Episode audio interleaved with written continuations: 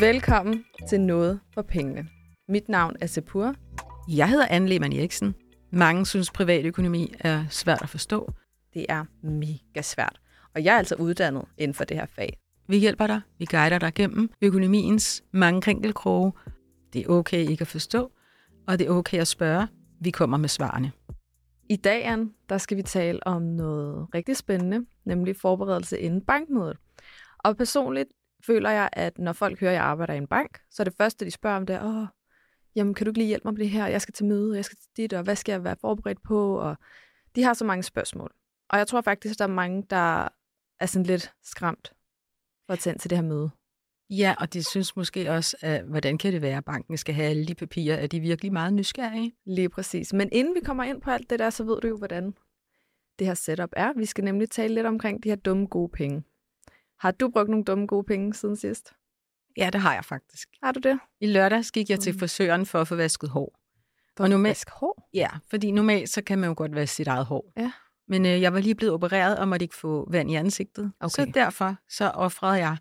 Og når man nu alligevel skulle have vasket hår, mm-hmm. så Mhm. kunne man jo også få det klippet. Selvfølgelig. Så det var dejligt. Ja, Forkæle sig selv. det var sådan en win-win faktisk. Ja. Det er skønt. Og jeg har for første gang måske i mit liv ikke brugt nogen dumme penge. Sådan, jeg har faktisk bare været fornuftig, føler jeg i hvert fald. Er det ude på? Giv mig et hjertestilfælde. Jamen, jamen, jeg ved det ikke. Jeg ved ikke, hvad det er, men jeg har ikke brugt nogen dumme penge. Så, men det kommer nok på et eller andet tidspunkt, hvis vi kender mig.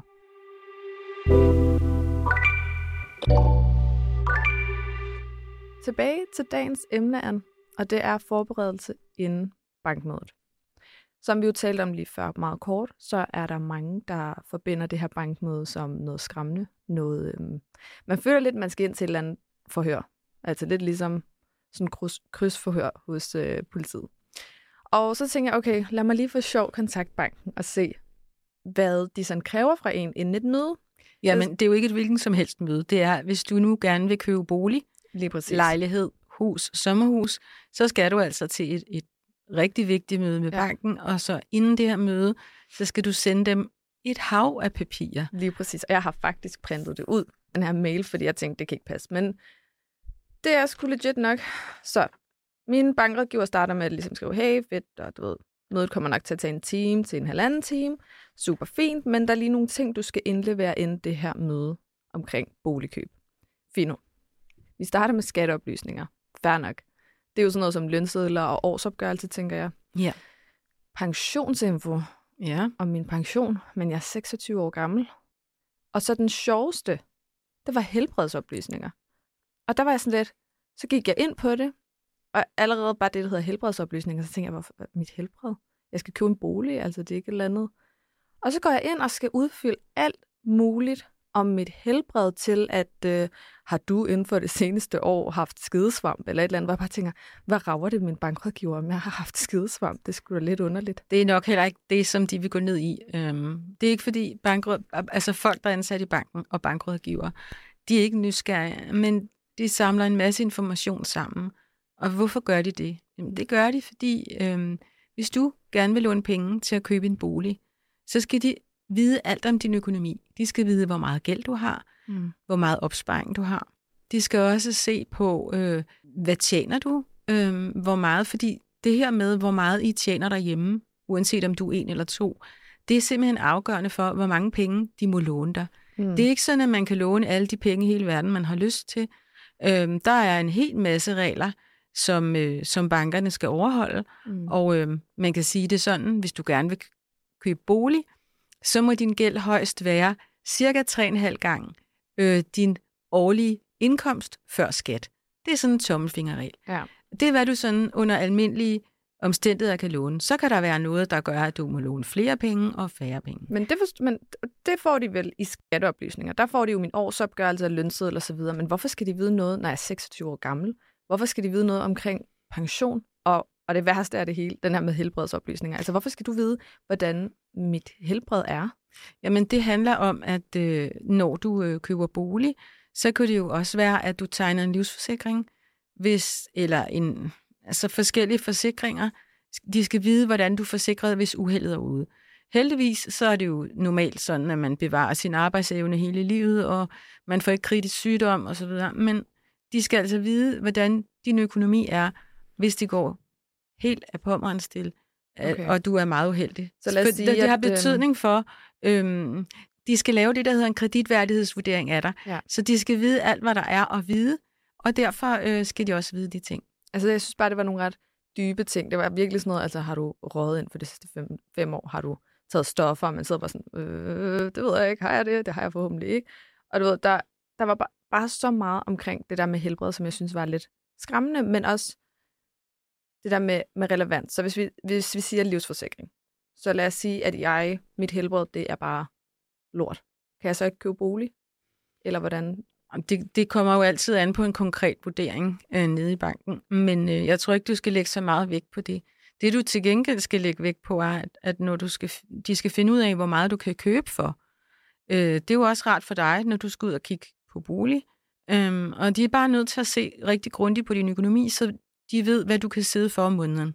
Mm, Og, og så videre. Og så kan man sige, når du så er ude og finde en bolig, så er der jo ikke to boliger, der er ens. nej. Det kan være, at du kan købe bolig for 2 millioner, så, så bliver du forelsket i to forskellige boliger. Den ene, det er et gammelt, en gammel bolig med en høj varmeregning, og den anden er en moderne bolig med en, en lav varmeregning. Mm. Og så kan man sige, er det vigtigt? Ja, det er faktisk ret vigtigt, fordi at bo i et hus, der koster 2 millioner, det kan godt koste forskelligt. Det kan Okay. være meget dyrt at bo i det gamle hus, fordi du, udover at du skal betale af på din boliglån, så er der også en høj varmeregning Ja. ja. og så videre. Hvor det, det er moderne hus, der er en lav varmeregning, og det betyder noget for din samlede økonomi. Så det er derfor, at de er i gåseøjne nysgerrige. De skal grave så mange oplysninger frem, Mm. som muligt, både om den bolig, du gerne vil have, og om din økonomi, sådan så at man kan ende med at, at træffe en rigtig beslutning. Du låner de penge, du kan holde til at låne, så du ikke får bliver overforgældet, fordi hvis, Mm. det skal vi jo ikke have. Og samtidig så kan de også se, jamen, at hele økonomien ser fornuftig ud. Ja. Øh, det kan du godt holde til. Øh, og øh, man kan sige, for mange, det er jo en rigtig stor og den største beslutning, de tager i deres liv, det er, når de køber deres første bolig, og også når de køber den anden og den tredje. Mm. Det er mange penge, og det er en stor beslutning, så vi skal være sikre på, at det hele sidder rigtigt. Selvfølgelig. Og en af tingene, som min rådgiver også skrev, det var, de gerne vil have en oversigt over nuværende faste udgifter. Og hvis vi lige oversætter det til almindeligt dansk, så betyder det vel et budget, tænker jeg. Ja. Yes. De skal jo se, hvordan lever du nu? Hvad, Okay. hvad, hvad er sådan, mm, når du får, altså, du får så mange penge udbetalt hver måned, din Mm. løn går ind, og børnepenge og så videre, Ja. og så, øh, så har du en hel masse udgifter. Så skal de jo se, hvordan plejer du at leve? Ja. Hvordan er din livsstil? Hvad koster den i løbet af en måned? Og hvorfor er det relevant? Jamen, det er jo ikke, de er jo ligeglade med, hvor mange køber, kopper kaffe øh, du køber. Det er ikke det, det handler om. Det handler bare om det samlede. Hænger det godt sammen? Mm. Og så skal de jo egentlig også se, om du kan leve for det, der hedder rådighedsbeløbet, som er noget, de i hvert fald skal sikre sig, når du låner penge til at købe hus. Så når man har lagt kigget på alle udgifter, øhm, så skal der være i hvert fald det beløb tilbage, som hedder rådighedsbeløbet, til mad og tøj og fornøjelser. Og, Og hvis videre. vi bare lige for en god ordens skyld, fordi en af de ting, vi lover i den her podcast, det er jo, at vi prøver ikke at bruge bankord. Så rådighedsbeløb var meget kort. Hvad er det egentlig, det er? Det er de penge, du har til overs, når du har betalt alle de faste udgifter. Okay, så det, Det vil sige det er fornøjelser, mad. Ja, og rejser og alt det sjove. Okay. Altså rådighedsbeløbet, det er det, der er tilbage til at bruge også. Det kunne også være til opsparing, Ja. og til at købe tøj til dine børn, og gaver til jul og sådan noget. Men det er de penge, som der ikke allerede er øremærket til husleje, varme, teleabonnement mm. osv. osv. Og de bruger det vel så, går jeg ud fra, til at sammenligne min situation i dag med den fremtidige, når jeg køber boligen, tænker jeg så. Ja, men også for at se, at det er realistisk. Nu er det sådan, at der skal mindst rådighedsbeløbet, altså det, der skal være til tøj og mad og sjov og ballade og buskort og Ja. ja. hvad ved jeg, og benzin, jamen øh, det beløb er i øjeblikket på mindst 12.000 kroner for et par, hvor der er to voksne. Og hvis man har et barn, så skal man have 2.500 per barn. Og hvis man bare er en enlig, så skal der være 7.000 til overs til det. Lad os nu sige, at du er den personlige type, der faktisk lever utrolig fornuftigt, køber sjældent nyt tøj, Mm. laver al din mad selv osv., så, videre, så kan det jo sagtens være, at du egentlig lever billigere allerede end rådighedsbeløbet. Ja. Og det er jo godt, fordi så kan man sige, så kan banken tænke, hmm, så kan vi godt lige skrue lidt op for, øh, hvor meget man kan låne, fordi de, hun lever på en sten i forvejen.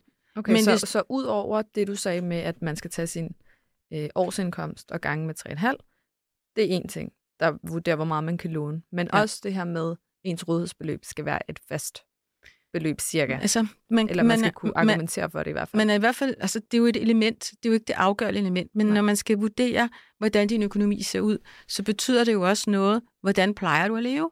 Ja. Og hvis du plejer at leve sådan, at du ikke er så interesseret i forbrug, så Ja. du lever ret, hvad skal vi kalde det, minimalistisk, mm. så betyder det jo også noget for den vurdering af dig, Ja. kreditvurderingen.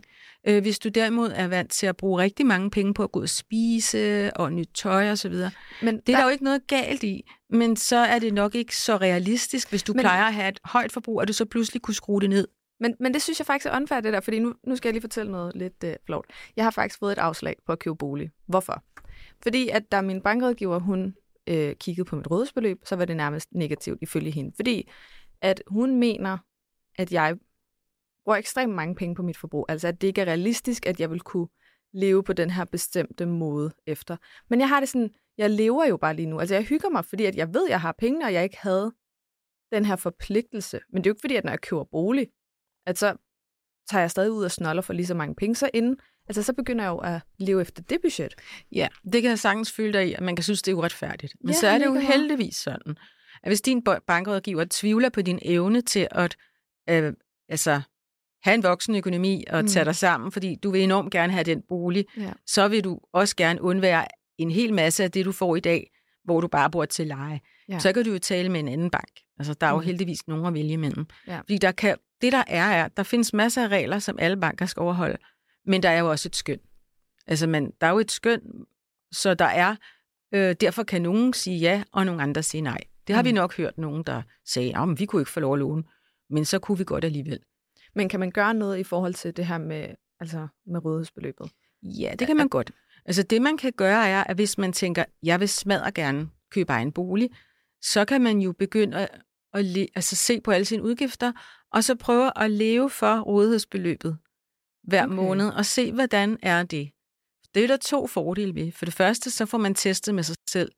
Kan jeg godt tåle at sidde lidt hårdere i det, end jeg gør i dag? Mm. Øhm, og de penge, man så ikke bruger, fordi man prøver at leve under evne, Mm. dem sætter man ind på sin opsparing til udbetalingen til den nye bolig. Ja, det var mega smart, for så kunne jeg jo sagt til min rådgiver, hey, det kan sgu godt være, at øh, beløbet falder med 4-5.000, men som du kan se, så ryger det ind på min opsparing jo. Ja. Hele tiden. Jamen, og så kan du også se, kan jeg holde til? Altså, det, det er jo også godt at teste sig selv, fordi man drømmer virkelig om at bo et, et rigtig rart sted. Mm. Man har lige øh, den der drømmebolig oppe i hovedet. Ja. Øhm, og så, når det er, man gerne vil have det, ah, men altså, vi behøver aldrig at gå ud og spise, og nej, vi behøver mm. heller ikke at rejse, vi behøver ikke noget, bare vi får det hus. Ja. Men man kan jo ikke altså, gå fra en måde at leve på, og så 100% leve det om. Men Ja. selvfølgelig kan man moderere det. Så, og så kan det jo være, at man tænker, at jeg kan ikke leve helt for rådighedsbeløbet. Lidt mere, så skal min drømmebolig bare være lidt billigere. Ja. Fordi at jeg, der er jo mange, der vælger at sige, vi kunne sagtens låne mange flere penge, men vi vil helst ikke sidde så hårdt i det. Fordi vi vil også gerne have, at der er råd til lidt mere sjov og ballade og rejser og sådan noget. Mm. Og så, det, skal, det, man er jo voksen, man må selv træffe beslutningen. Det er jo ikke sådan, at man skal låne alt, hvad, hvad, hvad man kan. Nej, Mm. Man skal jo have det godt med det.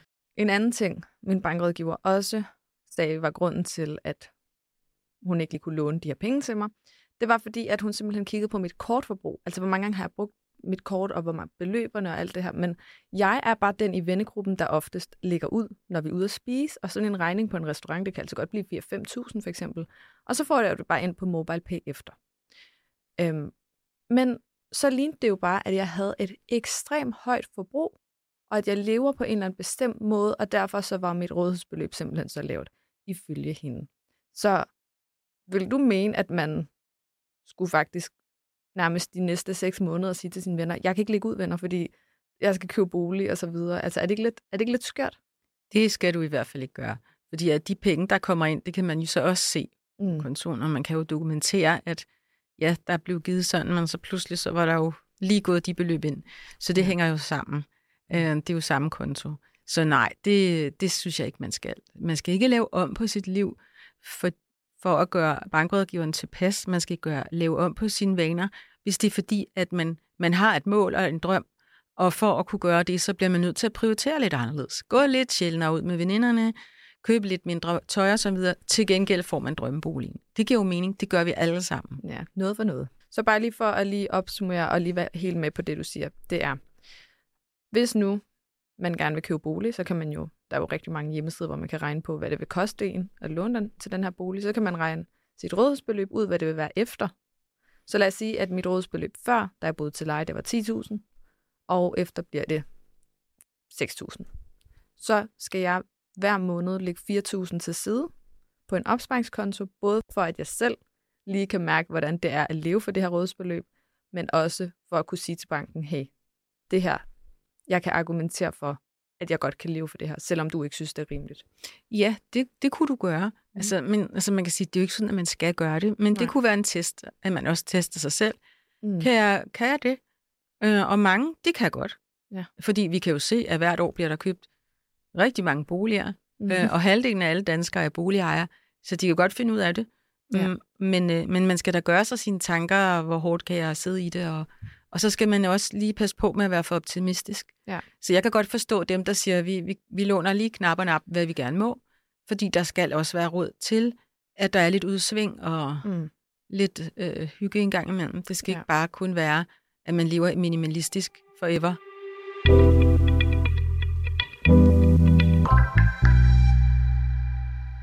Men hvis vi lige vender tilbage til øh, de forskellige dokumenter, som banken beder om. Hvis vi skulle give et godt råd til dem, der nu lytter med. Hvad er det, bankrådgiveren leder efter, eller sådan snuser efter i de her dokumenter, så man ligesom kan forberede sig på det, og man sådan er med på, hvad der bliver talt om? Jamen, de skal se, hvad, hvad er volumen i din økonomi. Mm. Øhm, hvad, hvor meget kan, kan du holde til at låne? Fordi det, der sker, når du øhm, går ud og får et lån til bolig, så bliver du jo forgældet.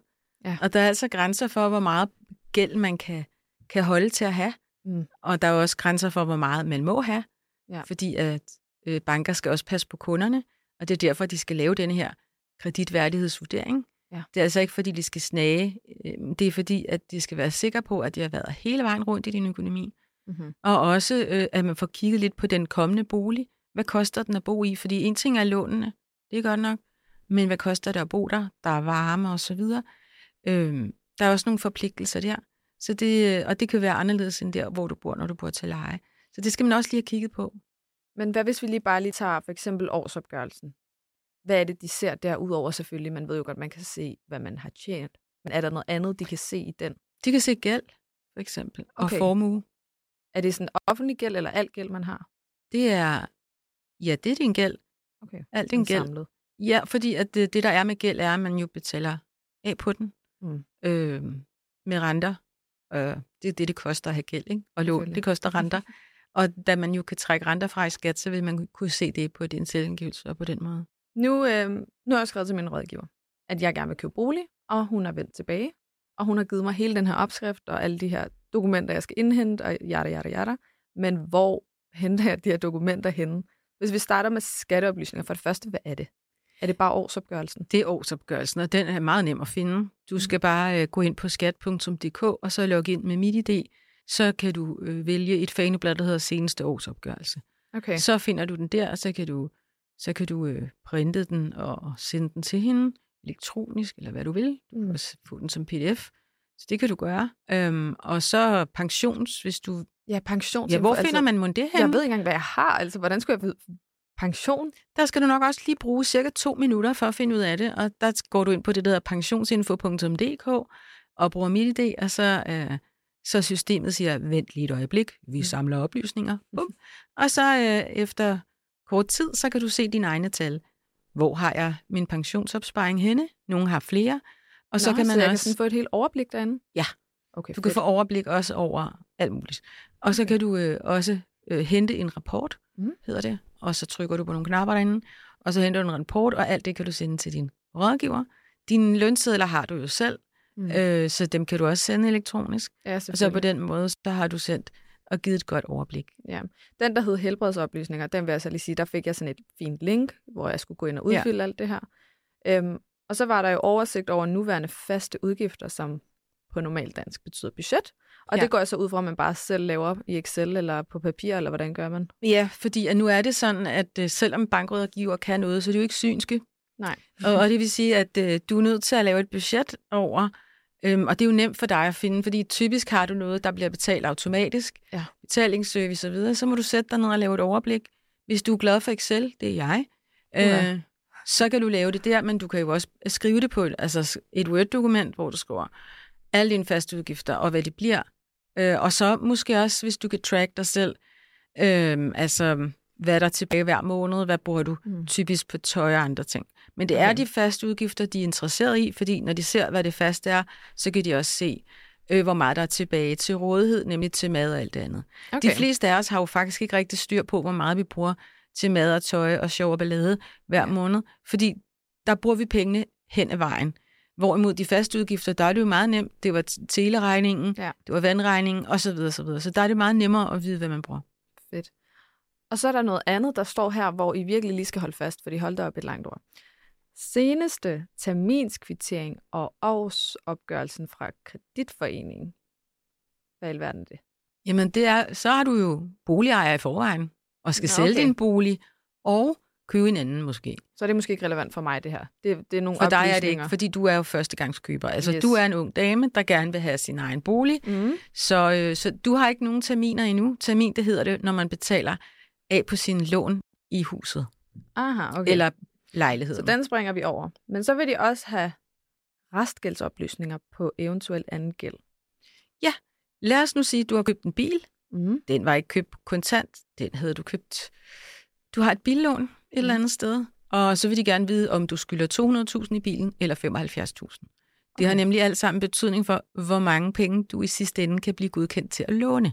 Mm. Fordi vi startede med at sige, i runde tal, så kan man have en gæld, der er cirka 3,5 gange så stor som ens årlige indkomst før skat. Men hvis man har noget gæld, så bliver det trukket fra. Fordi så har du ligesom gæld på forhånd, så kan du jo låne lidt mindre. Men Ja. hvis det viser sig, at du har til gengæld sparet en hel del penge op, jamen så er det jo et plus for dig. Okay. Så det der med den gældsfaktor betyder simpelthen, hvis nu man så det for sig som en stor pose penge, man skyldte, som man bar, Mm. øhm, så kan man sige, altså hvis du har gæld, jamen, så er der jo allerede noget i forvejen i den pose, Ja. så, så kan du låne lidt mindre. Hvis du derimod har en formue, jamen, så er der plads til mere gæld. Aha, det giver god mening. Det sidste, de beder om, det er faktisk bare registreringsnummer på eventuelle biler, og det tænker jeg godt. Så kan de tjekke kan den, og så kan de også tjekke om altså, altså gæld og sådan nogle ting. Ja. De kan tjekke forskellige ting gennem deres registre. Og det er jo nok vigtigt, at vi lige får sagt, at øh, når banker beder om det her, så er de ikke nysgerrige. De Ja, beder man kan bare... jo godt sidde lidt med følelsen af, sådan, hold kæft, du snærer egentlig i mit liv. Altså, jeg vil bare købe en bolig, altså slap lige af. Men jeg kan godt forstå, at nogen tænker det.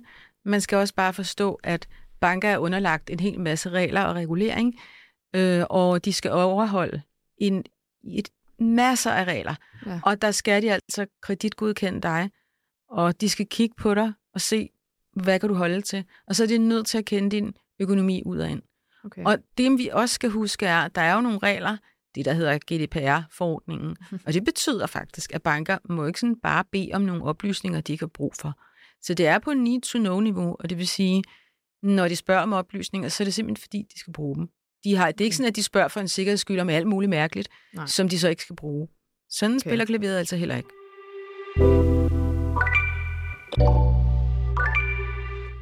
Nå, Anne, nu her til sidst, så lad os lige få dagens gode råd.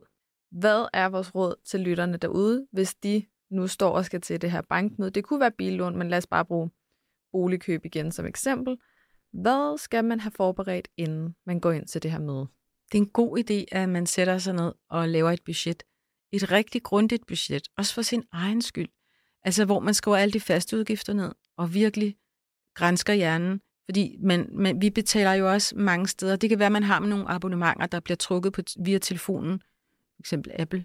Ja. Der er noget med nogle abonnementer. Det kan være, at man har nogle abonnementer via øh, Mobile Pay, og så har man alle sine faste øh, trækninger øh, med betalingsservice osv. Så man grænsker alle steder, hvad betaler jeg for, og man kan godt blive lidt overrasket der. Øh, mm, og så får man det hele skrevet ned, alle de faste udgifter. Det, som vi ved, er, jo mere tid du bruger på din økonomi og sidder og nusse, jo større ejerskab får du også for det. Præcis. Så vi kan sige, at det ene gode råd, det var det her med lave et ordentligt budget. Og det andet gode råd, som jeg synes var virkelig inspirerende, som jeg måske burde have gjort på forhånd, inden jeg gik ind til det her møde, det var det der med at prøve at leve på det rådighedsbeløb, man får efter. Altså, falder dit rådighedsbeløb med cirka 4.000, så læg det ind på en opsparingskonto, så er du safe. Både fordi du selv har testet det af på dig selv, og fordi så har man noget, man kan argumentere for, når man er til mødet. Man kan vise, at man kan godt leve øh, billigere, end hvad man plejer. Mm. Altså leve under evne. Det ja. kan godt være, at jeg har så mange penge hver måned, men dem har jeg slet ikke lyst til at bruge. Ja. Jeg vil hellere leve beskedent, og så spare op til den her bolig og til udbetalingen. Lige præcis.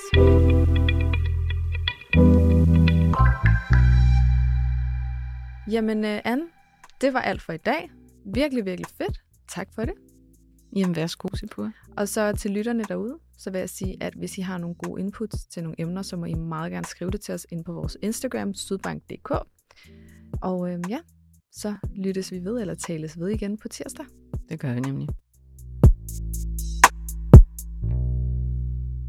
Du har lyttet til en podcast fra Sydbank.